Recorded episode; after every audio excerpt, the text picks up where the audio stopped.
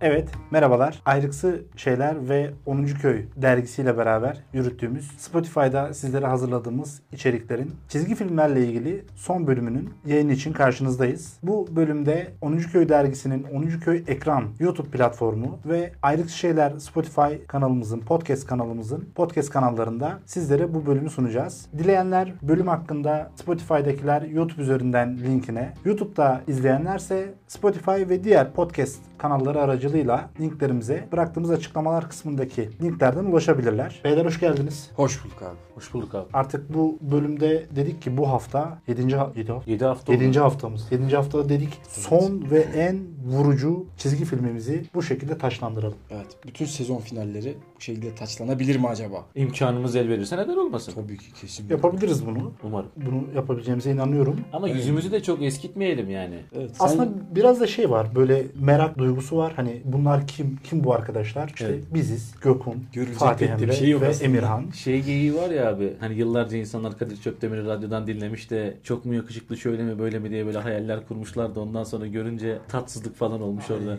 üzüldüm şu an ya. Bir dakika. Şimdi böyle bir şey olacak mı bize de? Yani Abi biz daha yeniyiz. Bizim yakışıklı olduğumuzu düşündüklerini Tabii, henüz zannetmiyorum. o hayali kuran olmadığı için biz kurulmadan yıkmış olduk onu. Evet, Neyse evet. yüzümüzü çok eskitmezsek ben çok büyük bir sorun olacağını düşünmüyorum. Yayınımızda öncelikle ilk 6 haftada verdiğiniz destekler için teşekkür ederiz. Spotify aracılığıyla ve diğer kanallarda özellikle sosyal medyada aldığımız tepkiler bizi fazlasıyla mutlu Evet, evet. etti. Yer yer güldürdü, yer yer duygulandırdı. Bence dinleyicimizi alkışlamalıyız şu an. Teşekkür ederiz. Bu yayını tabii ilk 6 haftadaki deneyimlerimiz üzerine hazırlıyoruz. Söylemek istediğiniz bir şey var mı beyler? Yani- Yoksa 7. bölümü en vurucu kısma ideolojik propagandanın zirvesine başlayalım mı? Ne dersiniz? Bence orada birkaç bir şey söylemek istersiniz. Emirhan kısa bir konuşma yapacak şu an. Yine özet yapmadı. Bizi podcastlerimizde tanıyan arkadaşlarımız iyi bilirler ki O özetleri yapan benim. bölüm özetini yapan arkadaşımız bu arkadaşımız. evet Emirhan. Şimdi 6 haftayı devirdik. 6 haftada 6 farklı çizgi film inceledik. Bir Alman çizgi filmi, 2 Sovyet çizgi filmi ve 3 Amerikan çizgi filmi izledik. Hı hı. Bu 6 çizgi filmle ilgili şunu söyleyebiliriz ki en başarılıları, en keyiflileri, en izlemeye değer olanları Amerikan çizgi filmleriydi. Ki bugün iz- inceleyeceğimiz çizgi film de yine bir Amerikan çizgi filmi. Ve senin de söylediğin gibi abi en vurucu olanı, en üzerine konuşmaya değer olanı belki de en uzun bölümümüz olacak olan çizgi filmle karşı Evet. karşıyayız şu anda. Yani bir Amerikan çizgi filmiyle daha karşı karşıyayız. Propaganda nedir? Nasıl yapılırın dersini bu adamlarla daha önce biz gördük. Propaganda 101 dedik. Bakalım neler olacak bu bölümde diyorum ben. Tahminleriniz var mı? Emirhan'a katılıyorum abi önceki bölümlerle Evet. alakalı. Amerikalılar bu işi beceriyor ya. O senelerde bakıyorsun muadilleri çizgi filmlere. Daha renkli, daha canlı, daha böyle kompozisyonu daha iyi, birbirleriyle daha bağlı çizgi film mi çizgi film dediğin şeyler. Diğerleri böyle biraz hani daha resmi makale kıvamında ya da dilekçe kıvamında çizgi filmler. Sovyetlerinkiler özellikle. Evet, yani evet. derdi çizgi film yapmak değil de hani bir şey anlatacak. Ha bir konuşmacı çıkıp sahneye bunları söylese Ki daha aynı- iyi olur yani. Belki de daha da iyi olabilir. Biraz duygulu bir adam böyle hani konuşmasını bilen birisi çıkıp anlatsa dese ki bak o Hitler gelirse var ya neden neler olur falan dese daha çok kişiyi galyana getirebilirdi bence. Niye çizgi film yapmayı tercih ya ettiler Ahmet ya, neydi? Ee, Sultanahmet mitingi falan değil mi? Çizgi film. Tabii tabii kesinlikle. Olabilir. Bu çizgi filmde de bunların bir devamı aslında ve daha da profesyonelleşmiş hali. Çizgi filmimizin ismi Reason and Emotion. Yani mantık ve duygu. Mantık, ve Mantık duygu. ve duygu. Hatta mantık ve duygu.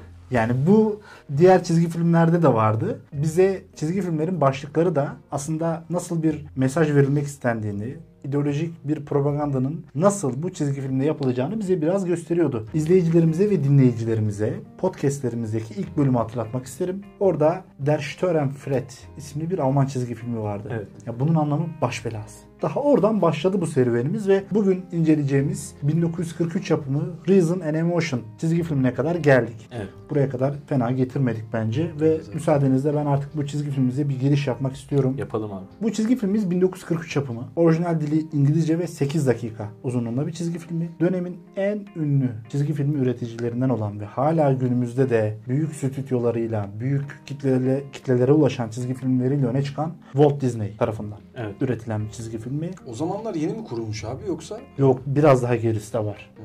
Yani bu çizgi film teknolojisini ilk bulanlardan ve ilk geliştiren şirketlerden bir tanesi. Ama zaman içerisinde hem işte teknik ilerliyor hem arkasındaki prodüksiyon ilerledikçe dakikalar uzuyor. Hatırlarsanız ilk incelediğimiz çizgi filmlerimiz çok daha kısaydı. Evet. 1 dakika, 1 dakika 50 saniye, 2,5 dakikalık çizgi filmler varken şu an 8 dakikalık bir çizgi filmden bahsediyoruz. Amerika yapıyor. Evet. Bir de bu çizgi filmin şöyle bir özelliği var. İzleyicilerimize ve dinleyicilerimize bu bilgiyi aktaralım. Reason and Emotion isimli bu çizgi film aynı zamanda The Oscars olarak da bilinen akademi ödüllerine aday gösterilmiş bir çizgi film. Yani günümüzde bildiğimiz o çok popüler olan haberlerde, sosyal medyalarda sürekli duyduğumuz, gördüğümüz aa Oscar'ı şu film kazanmış ya da şu film, şu belgesel Oscar'a aday gösterildi. O zaman Oscar'a aday gösterilen bir çizgi film. Oscar'ın tarihi oralara kadar gidiyor tabii ki. Amerika ile ilgili abi sözünü kestim.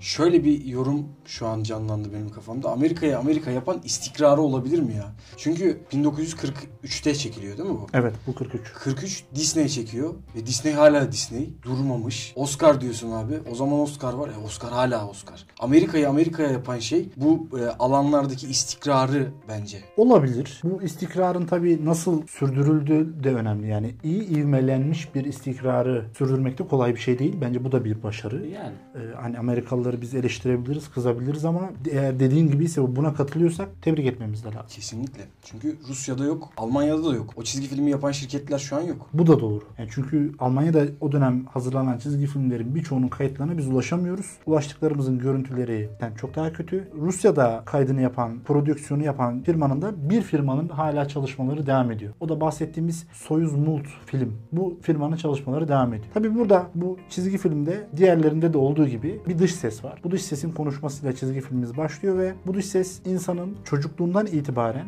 beyninde, bilinçaltında yer alan mantık ve duygunun nasıl çalıştığını bize anlatmaya çalışıyor. Tabi bunu yaparken de öncelikle insanın ilk doğduğu aşama olan bebeklik aşamasından başlıyor. Burada çizgi film bize çok güzel, çok kaliteli görseller sunuyor. Siz de izlerken kesin fark etmişsinizdir. Evet, hı. Çocuk tabi doğduğu andan itibaren bir bebek hani aklıyla, Evet. mantığıyla hareket edebilecek bir hali yok. Dolayısıyla tamamen duygularıyla hareket ediyor. Ve bir gün çizgi filmde bunu çok iyi görüyoruz. Bebeğin kafatasının içerisine giriyor Evet. ve orada bizi duyguyla karşılaştırıyor. Bu duyguyu simgeleyen, bu görseli gördüğünüz zaman aklınıza ilk ne geliyor kıyafetinden özellikle? Fred Çakmak. Evet. Fred Çakmaktaş. Kıyafeti tam bir taş devri insanı Evet. kıyafeti gibi saçı başı dağınık Yani ve ilkel mesajı veriyor işte. Yani kesinlikle kesinlikle burada zaten bir ilkellik var. Bu çizgi filmi izleyicilerimiz ve dinleyicilerimiz en sonunda tamamen zihinlerinde ben oturacağını düşünüyorum. En vurucu çizgi film ideolojik propaganda aracı olarak en vurucu çizgi film olmasını sağlayan şey de zaten bu.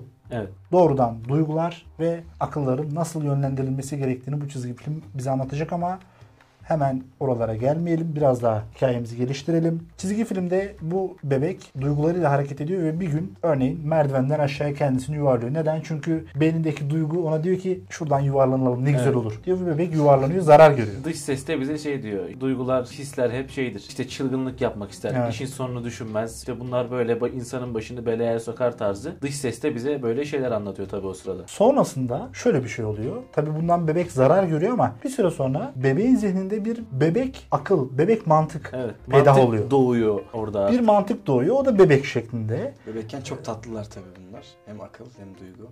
Daha sevimliler ve birbirleriyle henüz çok ciddi bir sorun yaşamıyorlar ama yavaş yavaş sorunlar yaşanmaya başlayacak. Öncelikle duygu bebeğin beynindeki bebek olan aklı yanında getirdiği bavulun içine koyup sepetlemeye çalışıyor. Evet. Buranın patronu benim. Hadi oradan dercesine. Burada bugüne kadar ben vardım. İlk günden beri ben vardım. Sen akıl ve mantık olarak sonradan geldin. Öncelikle ben ne dersem o olacak havası burada ön plana çıkıyor. Tabii bir süre sonra bu çizgi filmde bebek de doğal olarak biz de bebektik, büyüdük. Evet. Artık biraz daha bize çizgi filmin bu propaganda aracı olarak kullanılması için yetişkin bir bireyin beynine geçiyoruz. Yetişkin bir bireyin beyninde de yetişkin bir duygu ve yetişkin bir akıl var. Evet. Aslında böyle de güzel oldu. Duygu, akıl. Bence çok tutarlı. Değil mi? Bence değil de.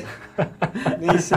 Ya böyle de fena olmadı bence. Şey yapabiliriz. Sonunda bunu çok güzel bir yere bağlayabiliriz. Beni çok iyi anlayacaksınız. Yetişkin bir erkeğin beynindeyiz bu sefer. Yetişkin bu erkek bireyin beyninde direksiyon var. Direksiyon Bir gaz insanın- pedalı, vites falan da var hatta. insanın gittiği doğrultu gibi böyle. Hayatının akışı Evet, gibi. Evet. Ve direksiyonda kim var? Mantık. Akıl ve mantık var. Ama aklın arkasında duygu, yetişkin duyguyu görüyoruz ve Evet. bir süre sonra yetişkin olan bu duygu akıla bir şeyler söylemeye ve aklın aklını karıştırmaya Evet. çalışıyor. Özellikle tam da şey sırasında hani yol yürürken işte güzel bir kadın görüyor. Evet. Ve işte diyor ki ya şu kadınla konuşalım. Mantık diyor ki olur mu öyle şey şimdi kadınla durduk yere ne diye muhabbet edeceğiz. Yok yok diyor kadınla konuşalım. İkna edemeyince şiddete başvuruyor. Mantığı yoldan çekiyor ve gidiyor kadınla konuşmaya Peki çalışıyor. ben tam bu noktada bir şey sormak istiyorum. Ben de sana bir şey sormak istiyorum. Evet. Neden kadın? Şöyle bir durum var abi. İlk önce onu söyleyeyim sonra sorumu Tamam. sorayım. Genel olarak hem propagandada hem reklam araçlarında karşı cinslerin birbirlerine olan ilgileri ve aslında bu içgüdüsel bir şey ya. Akılın devreden çıktığı bazı durumlar. Dürtü kelimesi bence onu çok güzel tanımlıyor. Hay yaşa. Doğru. Dürtüler genelde karşı cinste ortaya çıkar. Çünkü insanlar karşı cinsle ilgili duygusal bir şeyler yaşadığı zaman dürtüsel hareket ediyor ve akıl devreden çıkıyor. Aslında en büyük örneği o olduğu için bu şekilde bunu kullanmışlar. Onu görüyorum. Bunun Ama ben örneğini lafını böldüm kusura bakma. Bunun örneğini Donald Gets Drafted'da mı görmüştük abi? Evet orada afişler de var. Evet. Afişlerde artık en son kadınları görünce iyice şey oluyordu, ikna oluyordu. Tam ikna etme yöntemi. Evet. Ee, televizyonda bir reklamda rastladığın zaman da güzel kadınlar oynar, yakışıklı erkekler oynar. Sebebi budur çünkü. Dürtülere hitap eder. Playlistimizin önceki bölümlerinde o çizgi filme ulaşabilirsiniz. Evet. Benim abi takıldığım nokta şuydu ya aslında. Akıl ve mantık didişiyorlar ya orada. Hı hı. Ama duygusal akıl ve mantık didişmiyor. Duyguyla mantık didişiyorlar ya. Evet şimdi doğru. Yo, akıl ve mantığın didiştiği yerlerde var ama o bu çizgi Evet. filmi şu anda değil. Duyguyla e, mantık didişiyorlar ya abi. evet. Duygu diyor ki git kadınla konuş diyor. Akıl da diyor ki konuşmayalım. Ben şunu merak ettim. Aslında çizgi filmde bunu yapmaması gerekiyor da. Böyle bir yer koysalar nasıl olurdu? Mantıkla duygunun uzlaşabildiği bir nokta. Yani birbirleriyle uzlaşsalar ve kadınla konuşacaksa duygu konuşulmasını istiyor. Mantık konuşmayalım değil de mantıklı şekilde konuşmaya sevk etseydi ve anlaşsalardı. Başka bir propaganda diliyle daha mı başarılı olurdu çizgi film diye düşündüm. Ve bunu sordum. Evet sorguladım. Bu sorunun cevabı çizgi filmin sonunda saklı. Hmm. Bunu lütfen unutturmayın bana. Çizgi filmin son sahnesinde bu noktayı izah edeceğiz. Tamamdır. Müsaadenizle devam edeceğim. Çünkü bu en sonunda çok can alıcı bir nokta var. Yokun'un sorusunun tam net cevabı orada. Evet abi. Yetişkin erkeğin bu hareketlerinden çıkıp bu sefer de yetişkin bir kadının Evet. beynine giriyoruz. Kadın yani çizgi film yapıştırıyor tokadı. İkili devam ediyor. Erkek duygularıyla hareket ettiği zaman işte bir kadın erkeğe tokat atıyor ve orada erkek diyor ki Aa, duygularımla hareket etmemeliymişim. Aklımı ve mantığımı da kullanmalıymışım. Evet. Aynı zamanda bize bu sefer bir kadının beynini gösteriyor. Orada da direksiyonda bir kadın, yetişkin kadın akıl Mantık var, böyle mantık var. Arkada da yetişkin bir kadın duygu var. Ya bu arada kadın mantığın tam bir böyle lady olması böyle çok böyle hani adab-ı muaşeret dersi veren böyle Evet. kadın tiplemesi olur ya böyle. Erkekteki tam karşılığı aslında. Gibi evet. İşte oradaki kadın duygu tiplemesinin de böyle insta girl olması peki yani. Hayır değil. Aslında tam değil abi. Neden? Çünkü duygu tiplemesi kilo aldırtıyor sonra. Oraya Instagram şimdi değil. geleceğiz. Bunu yapması için daha doğrusu direksiyondaki aklın ve mantığın yerini duyguya bırakması için duygu biraz dürtüyor. Ya hadi bir şeyler yiyelim. Sandviçler, tatlılar, Dondurmalar, börekler, bilmem neler. dondurmalar, çörekler. o diyor ki olmaz hayır diyetteyiz yiyemeyiz falan. Belki bir çay yanına da işte ufak bir şey atıştırabiliriz diyor. O hayır onu da yiyeceğiz bunu da yiyeceğiz. Oraya yok. Yalnız orada şöyle bir şey var. Saç baş birbirlerine giriyorlar. Evet. Çizgi filmde. Orası da güzel olmuş. Evet orası da güzel olmuş. Bir de abi kadının kafasını daha ayrıntılı yapmışlar. Evet doğru söylüyorsun. Benim Buna da o katılıyorum. çok ilgincimi çekti. Erkek de tokat yiyor konu kapanıyor. Bir de didişiyorlar. iki tane koltuk var. Evet, Evet. Orada panolar, tablolar, çizimler. Ama işte erkeğinki tam bekar evi. Hani bir koltuk var bir de direksiyon var anladın mı? Hani kadınınki öyle değil ama orada teferruat var abi. Evet evet. Ona aşamazsın yani. Bu teferruatla hareketli zaten bize bazı göstergeleri gör, izlememizi Evet. istiyorlar. İşte bu kadar çok yemek yersen, tatlı yersen, hamur işi yersen, bu kadar kötü beslenirsen bir süre sonra çenen biraz sarkar, Evet. düşer. Vücut dengen çok şaşmaya Yani başlar. Fiziğin bozulur. işte. Fiziğin bozulur, kilo alırsın. Ve algısının dışına çıkarsın. Aynen. Kesinlikle. Buna zaten bir gönderme var burada. Sen aslında bizim istediğimiz bu dü- düzendeki o kadın figürüne yakın bir kadın olmalısın. Yani bu düzenin dışına çok çıkmamalısın. Evet. Algısında burada görüyoruz. Buraya kadar çok kısa bir özet yapalım. Tabii. Emirhan Buraya kadar değil. ama değil mi yani? Buraya kadar olan kısmı yapacağım. Emirhan gibi olmayacak Peki, abi. peki, Söz veriyorum. peki güveniyoruz. propaganda yaparken etkilemesi lazım ya izleyicileri Evet. ya da işte hitap ettiği kitleyi. Şu da kısa bir özet olacak buraya kadar olan kısımda. Erkeği etkilemek için kadını kullanıyor. O şekilde mitliyor. Kadını etkilemek için de yine kadını kullanıyor. Kendisini kullanarak. Yani erkek akıllı davranmazsa kadından azar yer, fırça yer, tokat yer. Hı hı. Kadın akıllı davranmazsa kendi güzelliğinden olur. Burada da yine günümüz reklam teknikleriyle alakalı bir şey var yani. Doğru. O dönemde de kullanılıyor. Bu dönemde iktisatçı diliyle artarak artan bir şekilde günümüzde de kullanılıyor bunlar. Çizgi film buraları bize gösterdikten sonra yani akıl ve e, pardon akıl ve duyguyu bize tanıttıktan sonra bir tık daha olayın rengini değiştirmeye başlıyoruz. Etrafımızda bazı gazeteler Evet. ve gazete manşetleri görmeye başlıyoruz. Ve tabii bir de radyomuz var böyle başucunda. Ondan hemen önce peşin sıra gazeteler var. Bu gazetelerin başlıkları hızlı geçtiği için normalde çok dikkatini çekmiyor ama lütfen çizgi film izleyen izleyicilerimiz ve dinleyicilerimiz çizgi filmin bu kısmını durdurup o gazetelerin başlıklarına baksınlar. Gazetelerin başlıklarını ben size kısaca söylüyorum. Birincisinde mesela Japonlar bombalıyor. İkincisinde gizli silah. Üçüncüsünde 5. kol propagandası, 5. kol faaliyeti diye gazete manşeti var. Nazilerin kaptı kaçtısı, donanma battı, açlık geliyor. Sonra gıda bolluğu, sonra savaş kaybediliyor. Ardından savaş kazanılıyor. Bir sonraki gazete manşetinde de her yerde kaybediyoruz. Başlıkları görüyoruz ve burada propagandaya maruz kalan insanın aslında aklıyla oynandığını, Evet. aklını yitirmesi için, daha doğrusu savaşla ilgili bu tedirginliklerinin artması için bir belirsizlik oluşturulmaya çalışıldığını görüyoruz ve bunu bize buradaki John Dox isimli vatandaş tam olarak gösterecek. Bu vatandaş Batı bloğuna ait bir vatandaştır ve bu vatandaş radyosunun başında haberleri her zamanki gibi dinlemekte ve gazetesinde aynı zamanda okumaktadır. Burada John Dox radyoyu açtığı zaman tek bir haber duyuyor. Savaşı kaybediyoruz ya da bir cephede başarısız olduk. Bunu duyduktan sonra morali bozuluyor. Yani ne oluyoruz? Neden böyle oldu ya? Anksiyete basıyor bir karakteri. Eli ayağı falan titremeye başlıyor. Sonrasında hayali bir şekilde arkasında bir hayalet beliriyor ve savaşı kaybediyoruz. Eyvah ne yapacağız? Nasıl olacak? Nasıl bitecek? Bizi neler bekliyor? Burayı çok güzel yapmışlar ya. Evet. Harika. Harika yapmışlar orayı. Tam anksiyete bozukluğu mu diyorlar buna? Galiba evet. Anksiyete böyle bir Günümüzde şey. öyle diyorlar. Tabii Ya kaygı 1943'te ne dediğini bilmiyoruz. Kaygı aslında abi ya. Doğru. Direkt kaygı. Doğru, Anksiyete doğru, biraz doğru. popüler de 43'te muhtemelen şey diyorlardı. Git patates püresi ye kendine gelirsin diyorlardı. Amerika'da. İşte tam bunlar olduğu sırada o hayalet gidiyor. Bu sefer yaşlı bir kadın geliyor. Ve burada söylediklerinden ziyade bunları sürekli tekrar ettiğini Evet. görüyoruz. Arkasında çıkan hayali karakter. Anlaşılmamaya da başlıyor. Mesela yaşlı kadın figürü papağana dönüşüyor bir süre sonra. Sürekli kaybediyoruz, kaybediyoruz. Çok kötü şeyler olacak, çok kötü şeyler olacak derken papağana dönüşüyor ve birden karakter kendisini etrafında süngülerin ucunda tehdit edilirken hissetmeye başlıyor. Savaş bana kadar geldi diyor aslında. Evet. Bu Yani şu demek. şimdi. Daha önceki bölümlerimizde bunu açıklamıştık ve bu çalışmaya konu olan yüksek lisans tezinde de bununla ilgili detayları bulabilirsiniz. Radyo, radyo, radyo. Yani Göbels'in Alman Propaganda Bakanı Dr. Joseph Goebbels'in söylediği gibi radyo dünyanın o dönemdeki yeni bir harikası. Dikkat ettiyseniz burada da John Dox ilk haberi radyodan alıyor. Evet. Ve radyodan aldığı haber üzerine bunları yaşamaya başlıyor. Evet. Ardından bu sefer turuncu saçlı bir erkek karakter beliriyor ve bu sefer John ona kulak kabartıyor. Burada da gene olumsuz haberler veriliyor ve bu kötü haberlerin ardı arkası kesilmiyor. En son artık John Dox duygusal olarak bitap olmuş, yerle bir olmuş ve kendi üzerinde bir iskeletin sanki ona saldırırca hücum ettiği hissine kapılıyor ve artık biz öldük, bittik, mahvolduk derken Tam burada filmin başında gördüğümüz mantık ve duygu tekrar sahneleniyor ve John Dox'un beynini çizgi film bize göstermeye başlıyor. Burayı çok güzel bağladıklarını düşünüyorum ben. Ne dersin? Abi çok kesinlikle şu açıdan çok iyi. Yani normal bir film veya normal bir şekilde bir çizgi film yapar gibi vermek istediği mesajın önce altını doldurmuş, hazırlığını yapmış ve vurucu noktaya getirmiş. Hani İşte bu yüzden biz bu çizgi filmlerin hem ideolojik bir propaganda aracı olarak kullanıldıklarını hem de psikoloji, siyasal iletişim, sosyoloji daha da detaylandıracak olursak maliye maliye Yok- burada yok. Yok mu? İBB değil burası. Hay Allah. Maliye burada yok. Yeter artık. Yan odada mıydı o? O diğer amfide. Yanlış gelmişiz. Şu an burada bir tane bir psikolog olsa da bize Freud'un bizim çalışmada bahsettiğimiz birinci Spotify'daki birinci bölümde de bahsettiğimiz Zizek'in bu psikanaliz yöntemini kullanarak ideolojiyi nasıl açıkladığını bize izah edebilse.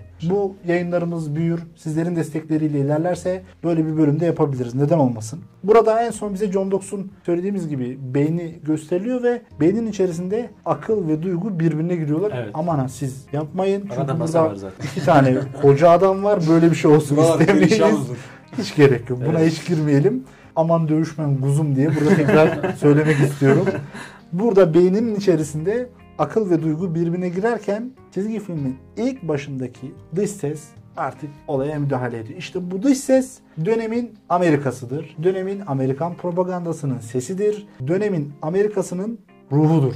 Dış ses şunu söyler. Adolf Hitler ve onun ekibinden ayak takımı olarak bahseder ve eğer siz kendi aranızdaki bu savaşa son vermezseniz yani Gökhan'ın unutmayalım dediğimiz sorusunun cevabına Evet, geliyoruz. Evet. Akıl ve duygu bir arada birlikte hareket edip davranışlarını ve hareketlerini buna göre sergilerlerse bunun bir sona ereceğini, Hitler'in ve ayak takımının savaşı kaybedeceğini bize belirterek artık biraz daha bakın şu ana kadar İkinci Dünya Savaşı yok. Yani daha doğrusu savaşla ilgili doğrudan bir şey yoktu. Ama artık yavaş yavaş çizgi filmin sonuna doğru bu savaş kısmına bizi buralara getiriyor artık Evet. bizi. Akıl ve duygu birlikte hareketlerini sürdürerek bu savaşta nasıl başarılı olabil- olunabileceğini anlatmaya başlıyor. Ve artık burada şu tasvir edilecek. Hitler gözümüzün önüne gelecek artık. Hitler burada bizim karşımıza çıkıp o dönemin Alman halkına nasıl hitap ettiğini, Alman halkını nasıl etkilediğini bir kez daha bu çizgi filmde göreceğiz. Burayla ilgili birkaç bir şey söylemek ister misiniz beyler? Çok can alıcı noktalar. Evet, duygu benim. Bence benim konuşmam lazım ama.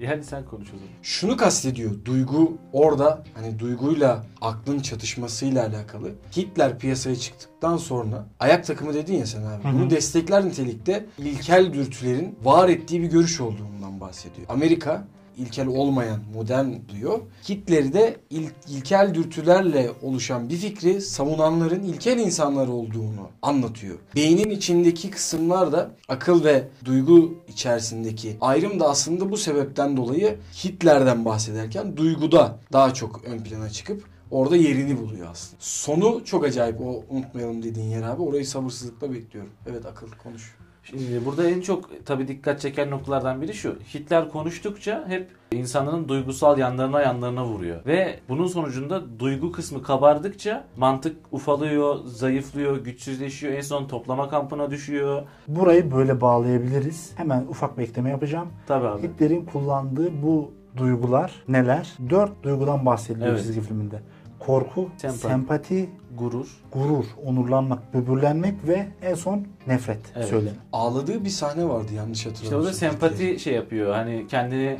mağdur gösteriyor. Mağdur edebiyatı diyebilirsin ona. Evet evet kesinlikle yani bütün bunların sonucunda duygu güçleniyor, mantık zayıflıyor ve Hitler'in çevresindeki bütün o işte ka- kalabalık o insanlar sa- tamamen duygularıyla hareket eden boş bir kabuk haline geliyorlar böyle artık Hitler ne söylerse onu yapıyorlar. Sırası önemli değil mi abi bunların? Bu e, yaşattığı duyguların sırası korkudan Çok önce. önemli. Çok önemli. Mesela ilk yaşattığı neydi abi? İlk yaşattığı ben daha çok şeylerde de kendi konuşmalarında da gördüğüm o sempati kısmı bence. Evet. Yani çünkü burada şöyle bir şey vardı. Bunu daha önceki bölümlerde Spotify'da konuştuk podcast'te. Önce biz Birinci Dünya Savaşı'nda yenildik ama yenilmemeliydik. Haksız bir mağlubiyet aldık ve bunun acısını, intikamını almalıyız. Bize şöyle yaptılar, bize böyle yaptılar, bizi yerden yere vurdular. Bu edebiyat üzerine ortaya çıkıyor. Ondan sonra etrafına bir korku salıyor. Hatta çizgi filmde şu var, bir sonraki aşamada da normalde Deutschland über alles diye bir şarkı var. Bu bir marş. Almanların o dönemki sihirli sloganlarından bir tanesi bu. Günümüzde de bunu çok seslendiren müzik grupları da var. Ben takip ediyorum. Çalışmalar gereği ihtiyaç duyuyorum onlara.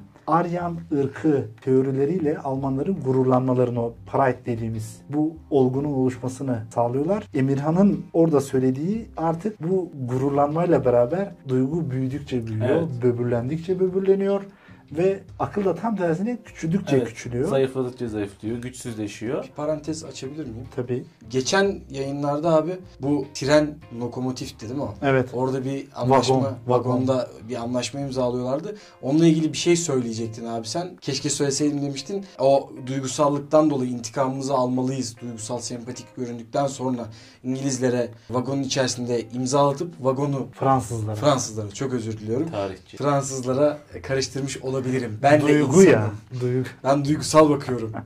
imzalatıp sonra onu sokaklarda gezdiriyordu. Sonra ne yapıyordu abi? Söylememiz gereken şey. En son Hitler Birinci, Birinci Dünya Savaşı'ndaki Almanya'nın teslim olduğu anlaşmanın imzalandığı vagonda İkinci Dünya Savaşı'nda Fransa'yı yendiği, teslim aldığı anlaşmayı imzalatıp bu vagonu Almanya sokaklarında gezdirip en son patlatıyor. İntikam bu işte. İntikam, intikam, intikam. Patlatmasından bahsetmeliyiz. Son kısmından bahsetmemiştik. Olabilir. Bunu da bu bölüm aracılığıyla tekrar dile getirmiş Evet. olalım. Ama siz yine de o bölümü de dinleyin. Çok güzel olur, çok seviniriz. Dinleyin dinleyin. En son duygu, aklı artık bir burada da geçiyor concentration diye. Toplama kampına Evet evet. Kapatıyor Elini kolunu bağlayıp ve artık duyguların tamamen hakim olduğu, aklın ve mantığın devre dışı kaldığı Nazi istilası dönemi başlıyor ve burada da demokrasileri yok ettiği bir slogan yayınlanıyor çizgi filmde. Yani daha ne olabilir? Bu çizgi filmin ideolojik bir propaganda aracı olarak kullanıldığını bize daha ne gösterebilir diyeceğim. Çizgi filmin bütün sahneleri ideolojik Evet. propaganda içeriyor. En son Naziler bu yürüyüşlerini gerçekleştiriyorlar ve dış ses diyor ki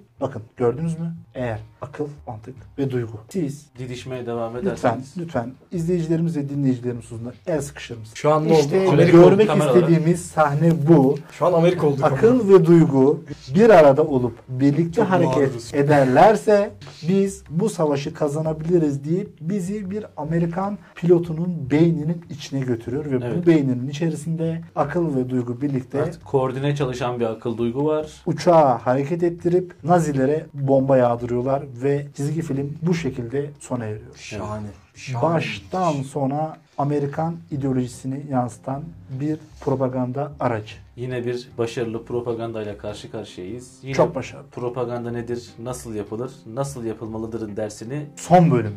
evet evet gerçekten. Bir çizgi yani filmin Propaganda 101'in sonuna gelmiş bulunmaktayız. Evet. Final sınavını mail olarak atacağız. Yapsak ya öyle bir şey. vize vize hocam vize Vize yok. Sadece final var bizde. tek final. tek- Sorular hazırlayıp Twitter'dan yayınlasak mı abi? Olabilir. Bunlarla alakalı ya. Ayrıca izleyicilerimizin ve dinleyicilerimizin yorumları, görüşleri çok önemli. Evet. Eğer Hem- üşenmemişsek Twitter hesabımıza girin bakın bu bölümü izledikten sonra. Ekstradan ayrıksı şeylerin ve 10. Köy derginin yayınlarını, sosyal medya adreslerini takip ederseniz çok seviniriz. Buralarda çeşitli anketlerimiz ve bu tarz konular hakkında farklı içeriklerimiz de mevcut. Spotify'dayız, Apple Podcast'teyiz, Google Podcast'teyiz ve artık 10. Köy ekran ile YouTube YouTube'dayız platformundayız. Bütün içeriklerimizle ilgili YouTube'da da başka hazırlıklarımız olacak. Bu hazırlıklarımıza biz ekip olarak devam edeceğiz. Sizlerin de desteğini bekliyoruz. Umarım yayını beğenmişsinizdir deyip sayın akıl ve mantık, sayın duygu el sıkıştığınıza göre artık bence yayını burada sonlandırabiliriz. Yayını sonlandırabiliriz. Ondan önce ben bir şey söylemek Tabii, istiyorum. buyurun. Biz bu ayrık şeylere başlamadan önce abi konuşuyorduk. Seninle de konuşuyorduk. Hep neyi konuşuyoruz? Kendi ülkemizdeki kendi çıkmazlarımızı konuşuyorduk.